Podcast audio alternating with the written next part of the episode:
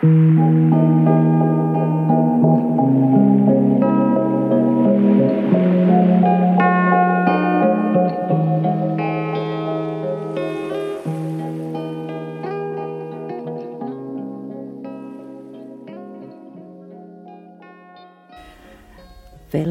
til Endkast. I dag har jeg med meg herr ph.d.-stipendiat Kristine Berg Titlestad.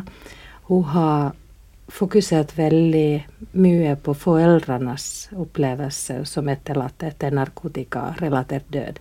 Men i dag har jeg invitert henne fordi hun har fått erfare noe som egentlig er veldig lite typisk for forskere. Fordi når vi produserer forskning, så kan man sitte hjemme med et bilde at det er ingen som leser, eller kanskje i beste fall en annen forsker.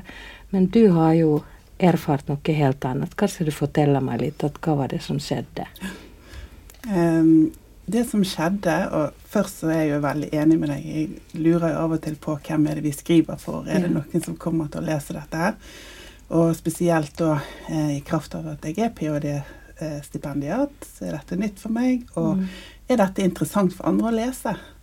Eh, så når jeg da eh, en sen kveld fikk en mail fra en far eh, som heter Kelly Thomas eh, fra USA, eh, så erfarte jeg nettopp det du sier, at det er faktisk noen som har lest dette her, og han kommer fra andre siden av eh, jordkloden. Så det var en veldig spesiell opplevelse. Første gang for meg, iallfall, som forsker. Så, så, han sendte en e-post til deg en, eh, en kveld? Ja. ja. Hva var det han hadde lest, eller hva var det han skrev? Da hadde han lest en av eh, ph.d.-artiklene mine som heter 'Sounds of Silence'. Det var en ganske kort mail, egentlig, eh, men jeg ble veldig berørt av han. og 'Sounds of Silence' Eh, det handler da om eh, foreldrenes opplevelse av det å miste et barn etter et narkotikarelatert dødsfall. Og han skrev da til meg at han har sjøl mistet en 21 år gammel datter for tre år siden. Eh, at han hadde hørt sin kone høre på sangen som artikkelen refererer til, flere ganger enn han kunne telle. Enn han ville telle, faktisk. Eh, og at han gråt når han leste artikkelen, og når han skrev e-posten. Uh, han trakk fram én beskrivelse fra denne artikkelen Sounds uh, Sounds of, Silence'. Og det var en beskrivelse fra en far uh, om at erfaringen om å miste et barn etter narkotikarelatert død er som å få snu opp ned verden. Mm. og denne beskrivelsen var gjenkjennelig for denne faren. Mm. Så der satt du midt i alt det travle med å skrive artikler, så får du dette. Hvordan, hvordan var det for deg å få den? Mm, først så ble jeg vel rett og slett um, eh, jeg, ble, jeg, ble, jeg ble veldig stille. Jeg, jeg, satt ved siden av mannen min, og var, det var påfallende at jeg plutselig blir så stille. For jeg åpner telefonen, og så leser jeg denne teksten. Og jeg, kjenner jeg blir berørt bare liksom å tenke mm. tilbake igjen på det øyeblikket. For det var ganske stort for meg å se liksom at dette hadde betydd noe for noen andre. Mm. Um, og så uh, kjente jeg at dette må jo jeg svare på. Mm. Og hvordan svarer jeg på dette? Uh, så det jeg klarte å gjøre den kvelden, det var å sende videre e-posten til medforfatterne mine og dele med, med Sonja Meldingen, Margaret Strøbe og Kari Dyrgrav, som jeg hadde skrevet 'Stones of Silence' med, og så, og så si at jeg har fått denne e-posten, eh, og jeg eh, eh, ble så berørt av han at eh, jeg skal svare han, men eh, jeg må tenke gjennom hva det svaret blir. Ja. Eh, og fikk veldig støtte av de andre over at dette var en tilbakemelding som var både eh, at han bekreftet at eh, teksten hadde betydd noe for han, og at, eh, at det var eh, stort av han å dele det med oss. Mm. Mm. Klarer du i dag å liksom huske tilbake til hvilken følelse var det som, som liksom rant gjennom deg der du ah, leste på dette? Det, det blir jo litt sånn egosentrisk i kraft av å være forsker, da. Eh, på den måten at Eh, jeg var så redd for at tittelen 'Sounds of Silence' skulle være For det er jo en referanse til Simon Garfunkel sin sang. Så jeg var litt sånn redd for at den skulle være litt sånn uh, Det jeg tok, eh, tok, en så stor sang og gjorde liksom den til et resultat av, av, eh, av um, min studie, det, det, var litt sånn Jeg syns jeg var litt cocky, da, for, mm. med å gjøre det. Og når han da sier at kona hans har hørt på akkurat denne sangen mm. og denne teksten, eh, jeg tror det var kanskje det som berørte meg mest. Eh, jeg hadde gått ganske mange runder med meg sjøl for hva eh, tittelen på artikkelen skulle være. Noen ganger så beskriver jo vi bare innholdet, sant? men jeg hadde veldig behov for at det skulle være noe som, som sa noe eh, på denne artikkelen. Um, og um, det er mange som beskriver dette med, med, stillheten etter. Og, så stillheten var liksom noe som, som hadde satt seg mm. i meg. Uh, men Uh, jeg kan fortsatt huske når jeg går utenfor huset fram og tilbake på terrassen, og så roper jeg ned til mannen min uh, 'Hva er dette?' Og så beskriver jeg resultatene, og så sier han 'Det er Sounds of Silence'. Mm. Og så går jeg inn, og så leser jeg teksten til Simon Garfunkel, og så klarer jeg å på en måte se at det er jo det de synger om. Mm. Mm. Jeg har jo alltid likt det, det overskriftet utrolig godt. Mm. Eh, så hva er det den symboliserer for deg? Eller for mannen din, for den saks skyld, ja. for jeg hørte det var han som ja. var det kreative her. um, er det greit at jeg leser den teksten? Klart det. Ja.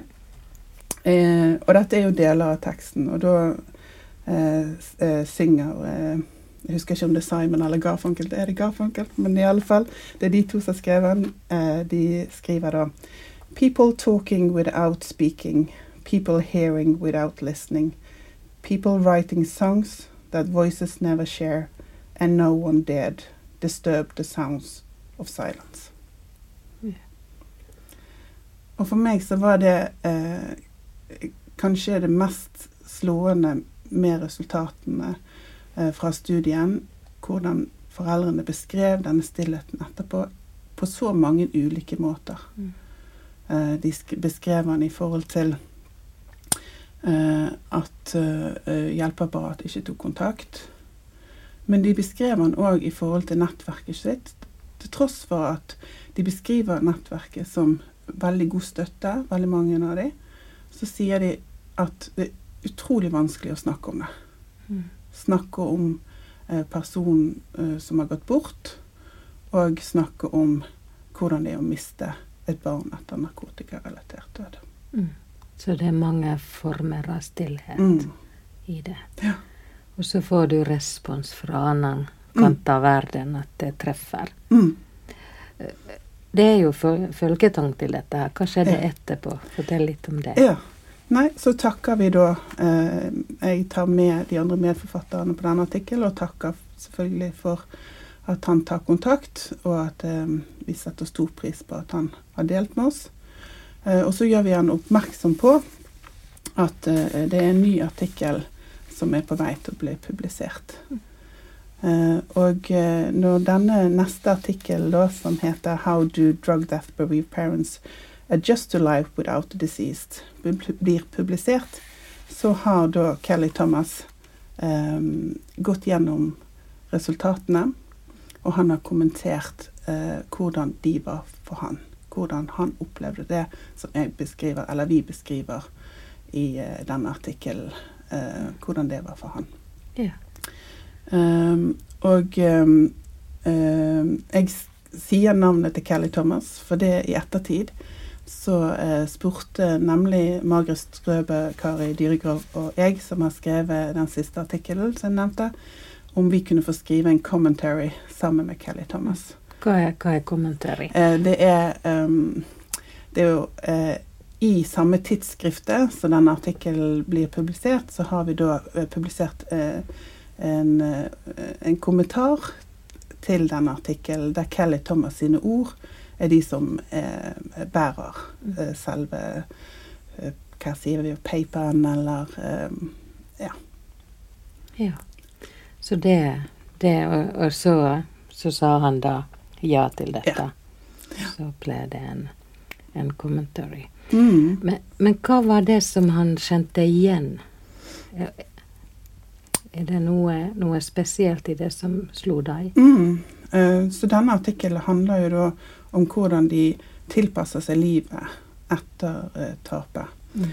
Eh, og Kelly Thomas han gir utfyllende beskrivelser i forhold til alle resultatene. Som, resultatene kan vi dele inn i det å prosessere sorgen, hva strategier de bruker for å håndtere og tilpasse seg, og hvordan det å gi og få støtte og hjelp eh, eh, hjelper de, eller gjør det mer utfordrende for de i hverdagen. Så han går da slavisk gjennom dette, og eh, sier at mye er gjenkjennelig. Han sier at han har grublet mye over skyld. Han sier at han har òg brukt mye energi på å skylde på andre. Uh, og det å tilpasse seg triggere, som er en del av disse resultatene. Eh, det som kanskje er annerledes, eh, som han beskriver, er at eh, de fleste norske foreldrene som jeg intervjuet, de beskrev at hjelpeapparatet umiddelbart etter dødsfallet opplevde de stort sett som eh, at de behandlet dem med respekt.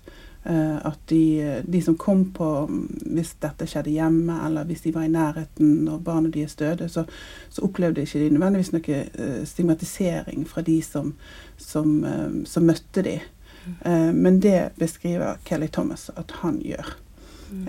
og um, han eh, beskriver òg at han har brukt kognitive strategier, det å tenke hvordan eh, kan jeg best eh, håndtere denne situasjonen. Der han måtte bruke mange strategier for å, å, å eh, komme seg videre. Og eh, han skri- beskriver òg i forhold til eh, de resultatene som vi har beskrevet i artikkelen, eh, at han ikke nødvendigvis har brukt energi på å få mer kunnskap om rusavhengighet, men han har brukt mye energi på å få kunnskap om hva som skjedde med Cara, datteren hans. Mm.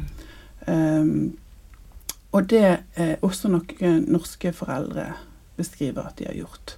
At eh, de har gått i hjelpeapparatet. Hva skjedde de eh, dagene opp til dødsfallet? Eh, har eh, min datter eller sønn prøvd å få hjelp? Hvem var det som var der sammen med dem? Mm. og, men det Kelly Thomas eh, sier ut ifra dette, at, at det har kanskje vært en strategi for å eh, eh, finne ut av hva som har skjedd, men det hjalp han ikke noe særlig. Ja. Ja. Så, så et behov å forstå de siste, siste, den siste dagen og det som skjedde, men uten at det liksom ga noe Mm, Ja. ja. Så det gjør han òg, som mange av de norske foreldrene. Ja. Uh, og det som er kanskje mest slående, det er jo det at uh, Cara etterlater seg en sønn. Så han er da bestefar, Ja. eh, Kelly Thomas, eh, som han da har eh, foreldreansvar for. Mm. Og det er jo òg beskrevet mye av de foreldrene som jeg har intervjuet. Mm. Og eh, Kari og Sonja har intervjuet. Sånn at eh, det er òg veldig gjenkjennelig for han. Og hvordan det er å ha et barnebarn som eh, du eh, må, i anførselstegn, ta vare på. Mm. Hvordan det hjelper deg videre i hverdagen. Ja. Barnebarnet eh, er, er to år når, når Kara dør, eh, og det krever oppmerksomhet eh, på en helt annen måte. Eh, de, eh, de trenger hjelp i hverdagen, og de får deg over på andre tanker. Mm. Og hvordan dette har vært til hjelp for han for å tilpasse seg livet. At et barn fyller mye i, i livet som ikke en gjør at du er nødt til å, å kanskje Ja. mobilisere noe. Ja. Mm. Og det å, å, å tilpasse seg triggere. Sånn, for det er så masse som, som gjør at du tenker på Kara i hverdagen, du ser ting. Og, og da, da blir jo dette barnebarnet en av de triggerne. Mm. Men det å bli utsatt for den hele tiden Mm. gjør òg at det hjelper deg. Mm. Det hjelper deg, eh, eller Kelly Thomas skriver at det hjelper han til å eh, snakke med barnebarnet om datteren. Eh, og få satt ord på de fine tingene med datteren. Mm. Eh, så etter hvert så blir det den triggeren til noe veldig, veldig positivt Mm. for han. Så trigger er en slags som påminner i, Mm. i hverdagen om, om det som har skjedd Ja. og, og vært. Og, Ja. og hvis jeg forsto riktig, så bruker at de, mul de mulighetene oss liksom gi, gi da ja, plassen til å kanskje å, å sette ord på det og Mm. ja. Mm. Ja, og for mange er kanskje de triggerne eh, De utløser sorgreaksjoner i starten, sant? men etter hvert så blir de sor- sorgreaksjonene kanskje til gode minner òg om den som har gått vekk. At det kan òg være til hjelp. Ja. Mm. Jeg ble jo opptatt av det at, at hvis jeg forsto det riktig, at, at veldig mye av de personlige erfaringene og familiære erfaringer var Mm. veldig like på det i hans liv og så i de norske foreldrenes Mm. liv. Men så var det noe forskjell i forhold til hjelperenes Ja. rolle. Ja. Kan du si litt mer om det? Jo, Hva- og det er litt interessant, for jeg bruker jo en del plass på å skrive om, om eh, de norske eh, foreldrenes forventninger til hjelpeapparatet som ikke blir innfridd. Eh, mens han skriver da jeg hadde ikke noen forventninger, for her i USA får vi ikke hjelp. Vi må be om hjelp i USA. Ja. Eh, og det er jo eh, kanskje en av de største ulikhetene som han beskriver. da. Mm. At um, han har um, fått Han har eh, fått hjelp gjennom å be om hjelp. Mm. Og har vært veldig aktiv i um, sorggrupper. Mm. Uh, og beskriver mange ulike typer sorggrupper som han har tilgang til. Eh, både til, eh, til han eh, og hans kone, men òg til barnebarnet. Barnebarnet som da jeg har prøvd å regne ut Dette var da tre år siden, sant? og to år. Så barnet er fem år og går i sorggruppe. Altså det tenker jeg er ganske mye annerledes enn hva vi kanskje får tilbud om i Norge. Ja. Mm. Så her, her har vi mer forventninger til, Ja. hjelperne, og dermed oss kan bli mer skuffa, da. Mm. Mm. Ja. Så, så hva tror du det betydde for han at du og, og, eller dere liksom reagerte sånn som dere gjorde, og at det ble, ble en kommentar, og det blir, blir en uh, dialog? Mm. Ja. Uh, vi har jo mailet ganske mange ganger fram og tilbake i og med at vi har skrevet denne commentarien sammen. Så uh, det han mm, skriver en del om, det er jo at han blir veldig sett. Og nesten hver gang eh, så, så beskriver han at han, han er rørt, og han griner. Blant annet en mail så skriver han åh, jeg må slutte å åpne disse mailene fra dere mens jeg er på jobb. for nå sitter jeg her og griner igjen. Men det, jeg griner for det òg fordi det er godt. Mm. Eh, det er godt å, å, at noen kjenner igjen det som eh, mine opplevelser. Mm. Og, jeg ser jo at det betyr mye for deg. Ja. Du blir jo rørt. eh, Blir berørt av bare å snakke om det. Mm. ja. Så Mm. det ble en dialog som har betydd mye for, for dere alle. Og, og, eh, men er det, er det noe, noe i dette som, som du har blitt sånn særs opptatt av, av Kristine? Ja. Um, vi snakker jo ofte om det at eh, når det er kvalitativ forskning, så snakker vi ofte om at vi kan ikke generalisere det. Eh, dette er intervjuer med foreldre, og det er deres opplevelse, det er deres subjektive opplevelse. Men um, det er jo eh, godt også å se at det har en overføringsverdi, til tross for at Norge og USA har veldig ulike velferdsstater, så er det faktisk uh, gjenkjennelig i USA. Uh, Så det er noe uh, vi medforfatterne mine og jeg har bl.a. skrevet om i denne commentarien, som jeg ikke Mm. finner noe godt norsk ord for. Eh, Mens det andre, som vi ikke nødvendigvis belyser så mye i END-prosjektet, som jeg tenker vi har beskrevet som en, en, en viktig eh, ta med seg hjem-beskjed, Mm. eh, det er jo dette at Kelly Thomas påpeker at datteren Kara eh, har store utfordringer med å tilpasse seg skolesystemet. Han beskriver òg det at de i ettertid fikk vite at Kara var utsatt for et seksuelt overgrep. Eh, og eh, at hun uh, verken fortalte om det til noen eller fikk hjelp. Mm. Og dette er jo veldig gjenkjennelig i forhold til hva de norske foreldrene beskriver. Både i forhold til hvordan barna deres har hatt store utfordringer med å tilpasse seg skolesystemet uh, og eh, de rammene der. Eh, men òg det at eh, eh, barna, eh, som ikke nødvendigvis har vært barn, men de, de som har gått bort, eh, hvordan de fleste av jentene da har vært utsatt for seksuelle overgrep, men òg noen av guttene.